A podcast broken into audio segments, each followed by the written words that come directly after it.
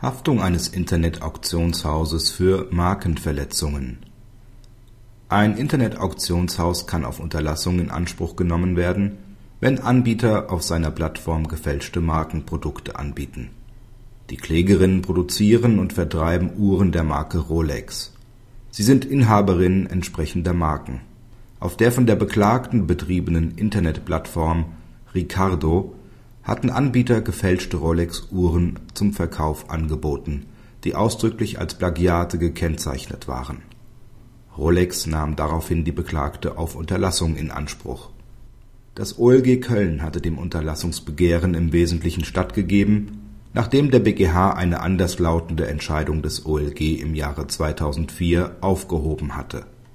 Der BGH hat das Verbot, nunmehr beschränkt auf das konkret beanstandete Verhalten bestätigt. Der BGH hat an seiner Rechtsprechung zur Haftung von Internet-Auktionshäusern für Markenverletzungen festgehalten. Danach betrifft das im Telemediengesetz geregelte Haftungsprivileg für Host-Provider nur die strafrechtliche Verantwortlichkeit und die Schadensersatzhaftung, nicht dagegen den Unterlassungsanspruch. Daher kommt eine Haftung der Beklagten als Störerin in Betracht weil sie mit ihrer Internetplattform das Angebot gefälschter Uhren ermöglicht, auch wenn sie selbst nicht Anbieterin dieser Uhren ist. Eine solche Haftung setzt zunächst voraus, dass die jeweiligen Anbieter der gefälschten Uhren im geschäftlichen Verkehr gehandelt haben, weil nur dann eine Markenverletzung vorliegt.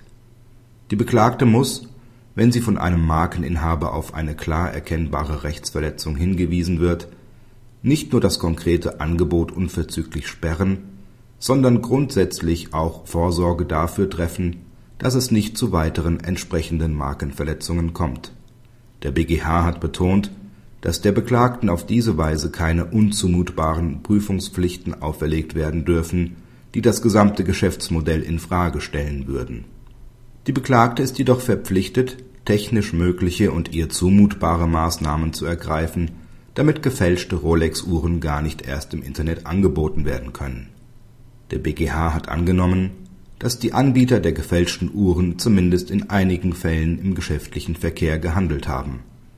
Dem beklagten Internet-Auktionshaus war bekannt, dass es in der Vergangenheit auf seiner Internetplattform bereits zu klar erkennbaren Verletzungen der Marken der Klägerinnen durch Dritte gekommen war.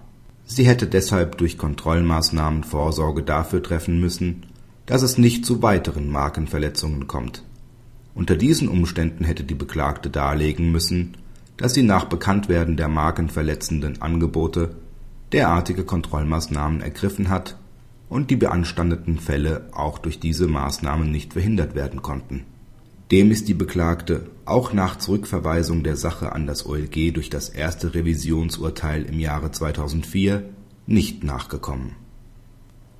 Pressemitteilung des BGH Nummer 87 vom 30.04.2008